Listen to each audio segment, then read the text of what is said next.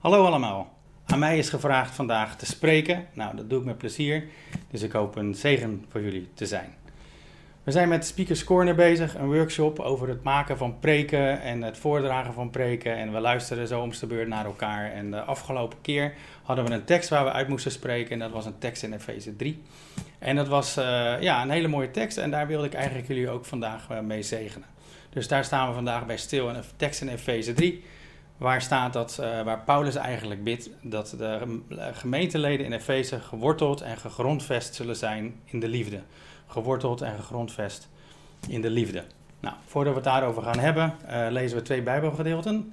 Eerst een stukje in Johannes 15 en daarna het gebed van Paulus in Efeze 3. Dus als jullie dat nu even doen, dan zien we elkaar zo terug. Welkom terug allemaal. Als het goed is, hebben jullie de twee Bijbelgedeelten gelezen. En waar ik dus vandaag bij stil wil staan, is uh, het geworteld en gegrondvest zijn in Gods liefde. En als je over de liefde nadenkt, als je over zo'n tekst wil spreken, dan check je dat natuurlijk eerst bij jezelf. Um, leef ik in liefde? Heb ik, uh, ervaar ik Gods liefde? Heb ik voldoende liefde in mijn hart? Uh, kan ik groeien in die liefde? En als dat zo is, waar kunnen we dan naartoe groeien? Wat is de bedoeling eigenlijk als christen? Hoe vol moet je zijn met liefde? Nou ja, het is natuurlijk een hele basale tekst. Hè? De, de, het grote uh, gebod is eigenlijk: heb God lief boven alles en uh, de naaste als jezelf. Dus heel fundamenteel. En dan vraag je je af: uh, ja, heb ik voldoende liefde en, en hoe zit het met mij? En misschien vraag je dat zelf ook wel eens af: heb ik wel voldoende liefde in mijn hart? Dat brengt me eigenlijk terug bij een moment van een jaar of tien geleden. dat ik eigenlijk meer van Gods liefde ervaarde dan, dan ik ooit gedaan had. Ik was uh, bij Bijbel aan het lezen. Het was een zaterdagochtend. En ik kan me herinneren, ik was in Deuteronomium bezig. En uh, het was een mooi verhaal en ik was er enthousiast over. En op een gegeven moment dacht ik, hé, hey, volgens mij staat daar ook iets over in Romeinen. En toen ging ik Romeinen lezen en op een of andere manier dacht ik, hé, hey, uh, staat daar niet iets over in Sefania? En ik merkte eigenlijk in mijn hele lichaam dat ik er gewoon enthousiaster over werd en blijer over werd. En ik was gewoon lekker aan het lezen. En op een goed moment toen pakte ik mijn Bijbel en toen gaf ik er zo een kus op. Ja, ik vond het zelf ook uh, heel bijzonder. Nog nooit meegemaakt, maar dat was gewoon de liefde voor Gods woord, voor de Bijbel, die aan het groeien was. En ik ben gewoon verder gaan lezen. En ik, op, opnieuw had ik weer nieuwe gedachten, nieuwe gedeelten die ik wilde lezen. Uh, Malachi, Leviticus. En het ging allemaal eigenlijk, ja, van het een kwam het ander. Um, ik had gewoon meer inspiratie om dingen te lezen dan eigenlijk ooit tevoren. En ik voelde de liefde nog steeds groeien. Tot het moment dat ik gewoon voelde in mijn hart dat mijn hart eigenlijk van liefde explodeerde. Ik voelde liefde gewoon over mijn lichaam heen en weer gaan. Ik voelde blijdschap, ik voelde vrede, ik voelde Gods liefde. Ik kon ook niet meer verder lezen. En ik heb gewoon tien minuten, een kwartier in mijn stoel gezeten. En uh, achteraf dacht ik, uh, wauw, dit was bijzonder. Dit was echt even Gods liefde ervaren. En uh, weet je, Gods liefde, dat hebben jullie net ook gelezen in Efeze 3. Die gaat eigenlijk boven de kennis te boven, staat er. En dat is eigenlijk een beetje wat ik ervaarde. Hè? Dus ik, ik las de Bijbel, dat is eigenlijk een beetje uh, op kennisniveau. En op een gegeven moment zakte het en kwam het eigenlijk gewoon uh, op een lager niveau uh, in het hart. en explodeerde dat. En ja, je kun je eigenlijk zeggen, je kunt het gewoon niet beschrijven. Het gaat de kennis te boven. En ik, dan, vroeg ik, dan vraag je je ook af van, wat wil God nou eigenlijk? Hè? Wil die wil hij dat mij soms geven? Wil hij dat jou soms geven? Of is het de bedoeling dat we daar altijd in leven? Nou, ik denk eigenlijk, tenminste dat was mijn conclusie, dat God zegt, ik heb zoveel meer liefde voor jou. Um, maar dat, dat ervaar je niet altijd, maar daar kun je wel naartoe groeien. Hoe meer wij opruimen in ons leven, hoe meer wij zijn liefde leren kennen, hoe meer wij ontdekken wie hij werkelijk is, hoe meer we die liefde in ons lichaam, in ons denken, maar ook in ons hart gaan verstaan en gaan voelen en ervaren. Dus uh, voor mij was dat een mooie les. En uh, ja, ik hoop dat, uh, dat jullie dat allemaal meemaken. Ik heb er overigens ook wel eens naar gevraagd bij mensen. En best wel veel mensen, ook gewoon bij ons in de vineyard, die hebben zoiets meegemaakt. Dat je in één keer bepaald wordt bij Gods liefde. En dat je, sommige mensen moeten lachen, sommige mensen dansen, sommige mensen voelen zich gewoon gelukkig. Anderen hebben het kort, anderen hebben het langer. Nou ja, goed, ik had het tien minuutjes, ik was er heel blij mee. Maar God gaf hiermee gewoon aan, uh, er is veel meer dan de liefde die je normaal gesproken ervaart. Goed, laten we eventjes kijken naar uh, de tekst. Uh, laten we, jullie hebben hem gelezen. Um, ik wilde hem ook eventjes lezen, omdat ik er gewoon even nog wat bij wil vertellen. We lezen dus Efeze 3 vanaf vers 14. Daar staat: Daarom buig ik mijn knieën voor de Vader, die de Vader is van elke gemeenschap in de hemelsferen en op aarde. En dan valt mijn aandacht direct op het woordje daarom. waarom begint Paulus te bidden? En dat is omdat hij zo enthousiast is, dat staat het stukje, in het stukje daarvoor, dat hij zo enthousiast is dat, hij, dat God ehm, zijn wijsheid door de mensen, door de kerk, heen de wereld in wil brengen. Er staat hier eigenlijk, als je dat terugleest nog eens, staat er dat God in, uh, dat in al haar, de wijsheid van God in al haar schakeringen bekend wil maken. En dat is dus van God door de kerk heen, door jou en mij heen. En dat is niet alleen de wijsheid in de zin van wijze woorden bijvoorbeeld. Maar dat is, hè, als je de commentaren erop naslaat, dat is veel meer dan dat. Dat is uh, Gods liefde voor de mensen, Gods vrede, Gods blijdschap. Uh, maar ook bijvoorbeeld profetische woorden, uh, het opleggen van de handen op de zieken. God wil al zijn goedheid door ons heen de wereld inbrengen. Eigenlijk zoals Paulus dat ook zegt in de gelaten brief. Van ik leef niet meer, maar Christus leeft eigenlijk helemaal door mij heen. En um, nou ja, goed, daar is hij heel enthousiast over, Paulus. En uh, dat is dus waarom, daarom begint hij te bidden. En dan zegt hij: Daarom buig ik mijn knieën voor de Vader, die de Vader is van elke gemeenschap in de hemelsferen en op aarde. Mogen hij vanuit zijn rijke luister uw innerlijke wezen kracht en sterke, sterke, sterkte schenken door zijn geest. Zodat door uw geloof Christus kan gaan wonen in uw hart. En, en daar komt hij, u geworteld en gegrondvest blijft in de liefde. Geworteld en gegrondvest blijft in de liefde. Dan zult u met alle heiligen de lengte en de breedte, de hoogte en de diepte kunnen begrijpen. Ja, de liefde van Christus kennen, die alle kennis te boven gaat. Die de kennis te boven gaat. En dan opdat u zult volstromen met Gods volkomenheid. Nou, daar is hij zo enthousiast over dat hij de mensen in Efeze eigenlijk uh, dat toewenst. Dat, uh, dat de kracht van de Heilige Geest zullen ervaren om te kunnen blijven in die liefde van, van God. En ik wil bij twee dingen even stilstaan. Ik wil stilstaan bij de liefde van God. Hoe groot is die? Uh, en ik wil stilstaan bij het geworteld en gegrondvest blijven. Nou, de eerste plaats, in de eerste plaats de liefde.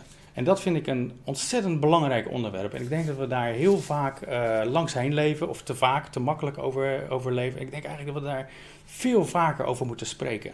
Zo'n belangrijk en fundamenteel onderwerp. Ik zei het al in het begin, de grote opdracht is God liefhebben, uh, boven alles en daarnaast als jezelf. Het is allemaal, ons, eigenlijk ons hele christelijke leven is gewoon uh, allemaal liefde. Allemaal gebaseerd vanuit liefde, allemaal gebaseerd vanuit God die liefde is.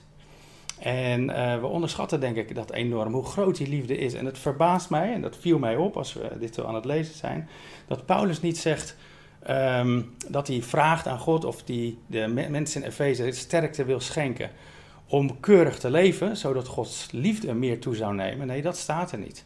Hij zegt eigenlijk, Gods liefde is er. En nu is het aan ons, met behulp van de Heilige Geest, om ons te gaan wortelen in die liefde. In die enorme liefde die er al is. En hij schrijft ook over hoe groot die liefde is, dat hij eigenlijk niet kan omschrijven hoe groot die liefde is. En daar wil ik gewoon bij stilstaan. Op een of andere manier moet dat bij ons allemaal dieper en dieper gaan zakken. Het idee dat God zo gigantisch veel van ons houdt. Zo'n gigantisch mooie toekomst voor ons heeft. Zoveel gedachten over ons heeft. Uh, wat we ons eigenlijk helemaal niet voor kunnen stellen. Uh, zoveel liefde heeft hij voor ons. Zoveel liefde heeft hij voor jou. En dat vinden we ook in andere gedeelten. Bijvoorbeeld staat er in uh, Romeinen 5, vers 5. dat God door zijn geest uh, zijn liefde in ons hart heeft uitgegoten. Dus dat wil zeggen niet een beetje, hè, dat is gewoon gieten, maar uitgieten wil zeggen helemaal. Dus dat is enorm. Dat is, die liefde is, uh, is enorm. Hij heeft ons alles willen geven. Of we dat nou kunnen begrijpen of bevatten of niet. Maar dat is wat uh, Gods woord zegt. Nou, een ander Bijbelgedeelte is um, bijvoorbeeld in Jezaja 43.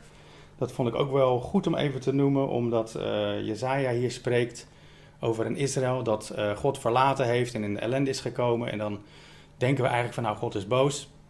Maar eigenlijk is dit Gods hart. Dan lezen we in uh, Jesaja 43. Dan zegt God tegen Israël, ik heb je bij je naam geroepen, je bent van mij. Moet je door het water gaan, ik ben bij je. Of door rivieren, je wordt niet meegesleurd. Moet je door het vuur gaan, het zal je niet verteren, de vlammen zullen je niet verschroeien. Want ik, de Heere, ben je God. En even verder staat er: Je bent zo kostbaar in mijn ogen, zo waardevol. Ik hou zoveel van je. Dus dat spreekt over een gigantische liefde van God voor ons. En er zijn natuurlijk veel meer versen te vinden. Um, een van de versen is natuurlijk ook uh, de hele belang, meest bekende tekst die we eigenlijk allemaal kennen, Johannes 3, vers 16. Waar staat, uh, als lief heeft God de wereld gehad dat hij zijn enige geboren zoon gegeven heeft. Zo lief had God de wereld, zo lief had God jou en mij, dat hij zijn zoon gegeven heeft. Opdat we niet verloren gaan, maar eeuwig leven hebben. Dat is wat Gods hart is, dat is wat Gods verlangen is. En ik denk dat we met elkaar moeten, moeten um, nadenken en stil moeten staan bij, bij, bij, bij hoeveel, hoe groot Gods liefde voor ons is. Uh, en zoeken naar, naar, om die liefde voor God meer de ruimte te geven. Dus dat wilde ik als eerste zeggen, dat, dat Gods liefde is zo oneindig groot en we staan daar te weinig bij stil en we mogen daarvan genieten, dat Gods liefde zo intens en zo groot voor ons is.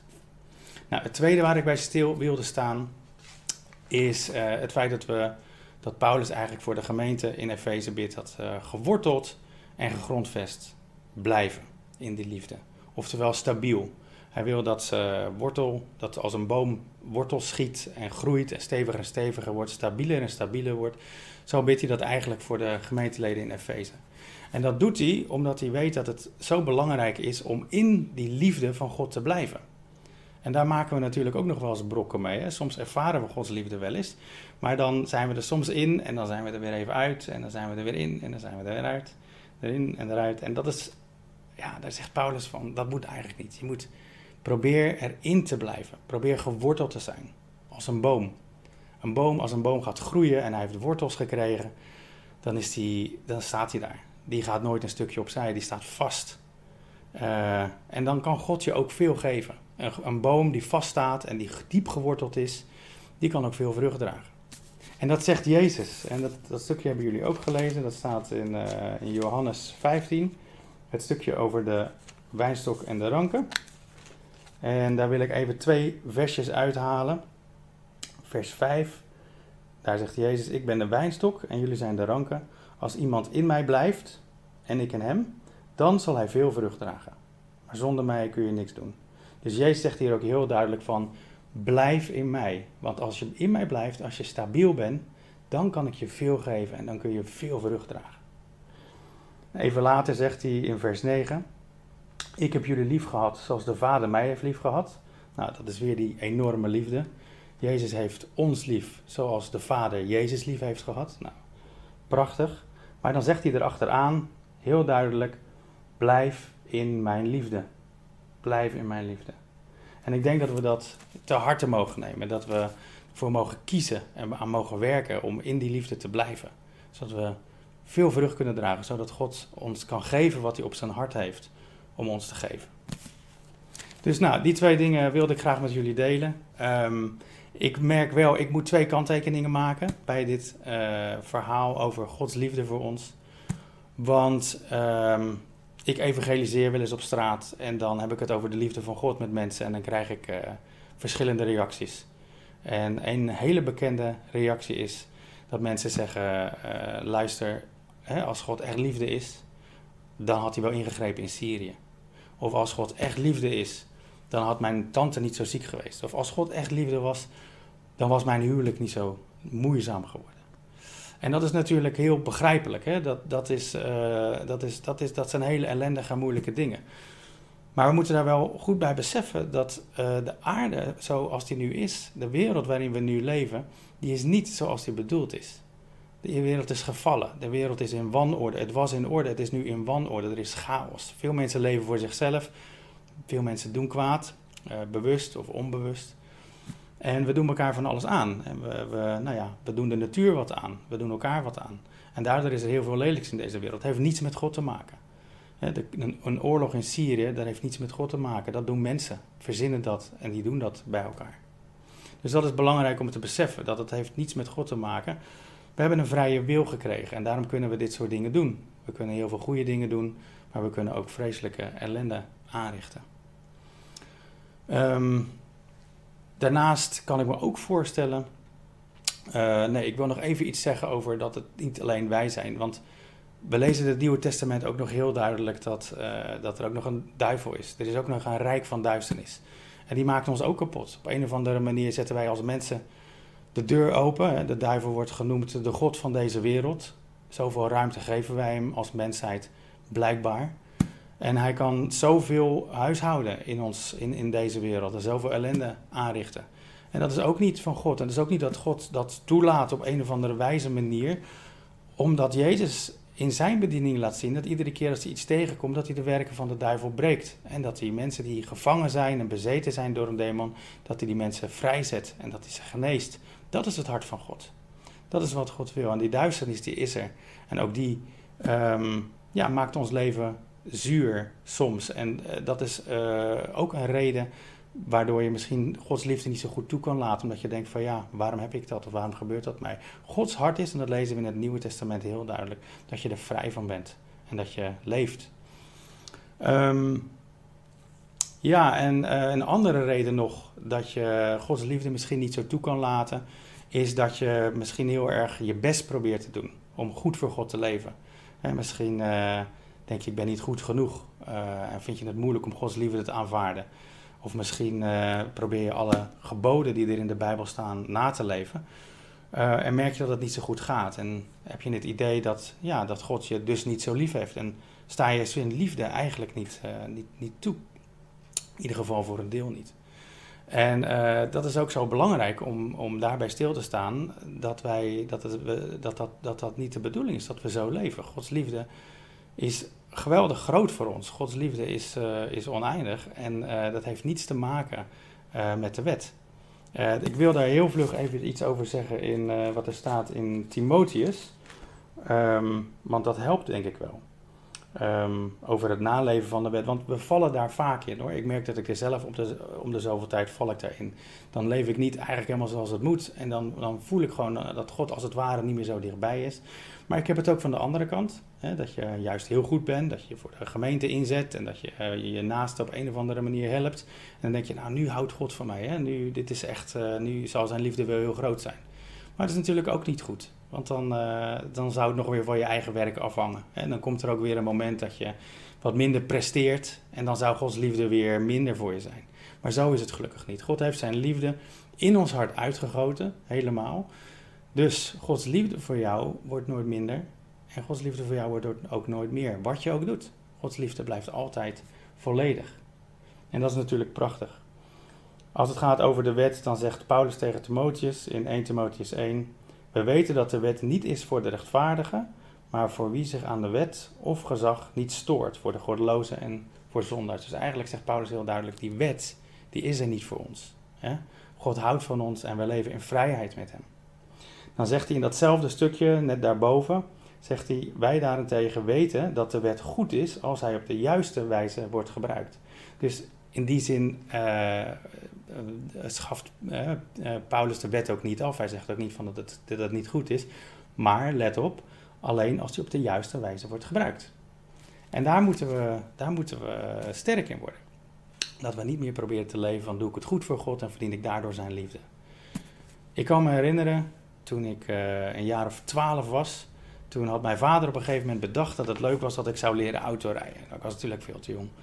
Maar uh, mijn vader had een bouwbedrijf en er was een terrein bij en daar kon je gewoon makkelijk uh, zonder brokken rijden. Dus we hadden de auto van mijn moeder meegenomen en hij had de stoel helemaal naar voren geschoven en hij had een kleed meegenomen, die had hij helemaal opgevouwen en op die stoel gelegd zodat ik boven het stuur uit kon kijken. En hij begon uit te leggen. Hij zegt natuurlijk als dit is de koppeling en dit is de rem en dit is de handrem en hier moet je schakelen. En uh, dit zijn de meters, daar kun je naar kijken. En uh, nou goed, kijk vooral goed op de weg. Hè? Niet te veel naar links, niet te veel naar rechts.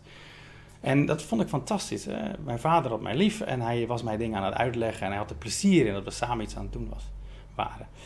En op dat moment had ik geen, geen seconde het idee van... oh, ik moet het goed doen, anders verlies ik misschien zijn liefde. Helemaal niet. Ik vond al die regels die hij gaf, van doe dit niet, doe dat wel, die vond ik allemaal fantastisch. Want daardoor leerde ik hoe het helemaal werkte met het autorijden. Daardoor kon ik tussen de lijnen blijven en daardoor kon ik vaart maken. En dat vond ik fantastisch. En zo is het met God ook. Weet je, die, die regels die hij geeft, die zijn er niet uh, om ons te verplichten dat we keurig en netjes moeten leven. Nee, die zijn er zodat wij weten hoe het werkt, hoe wij ontworpen zijn, zodat we weten wat het is om tussen de lijnen te blijven. En zodat we met elkaar vaart kunnen maken. Dus dat is denk ik een goede illustratie, hoop ik. Ik hoop dat het je helpt om met Gods uh, wet om te gaan. Goed, uh, we gaan naar conclusie. Uh, ik hoop dat het je misschien op goede gedachten hebt gebracht. ik hoop eigenlijk dat je de tijd gaat nemen, vandaag of van de week, om gewoon bij God te zijn. Om misschien wat aanbiddingsmuziek te luisteren, misschien zijn woord te lezen. En jezelf af te vragen: is er iets in mijn leven waardoor ik Gods liefde op een afstandje hou? Ik daag je echt uit om daarover te bidden eh, om God een openbaring te vragen, want soms weten we het niet, soms is het gewoon onbewust. Zodat al die dingen die in de weg staan, weggenomen kunnen worden. En je ten volle kunt leven in eh, de liefde die God voor je heeft. En zo mogen we ook met elkaar groeien. Dus ik denk ook dat het goed is om daar ook met je huisgroep over te spreken. Uh, met je huisgroep daarover na te denken en voor elkaar te bidden. Want zo staat het er ook, hè, dat we met elkaar de liefde van Christus zullen kennen. De hoogte en de diepte, de breedte en de lengte zullen we met elkaar uh, leren kennen. Nou, dat wens ik jullie toe. Ik hoop dat jullie geworteld en gegrondvest blijven in de liefde, opdat jullie volstromen met de volheid van God.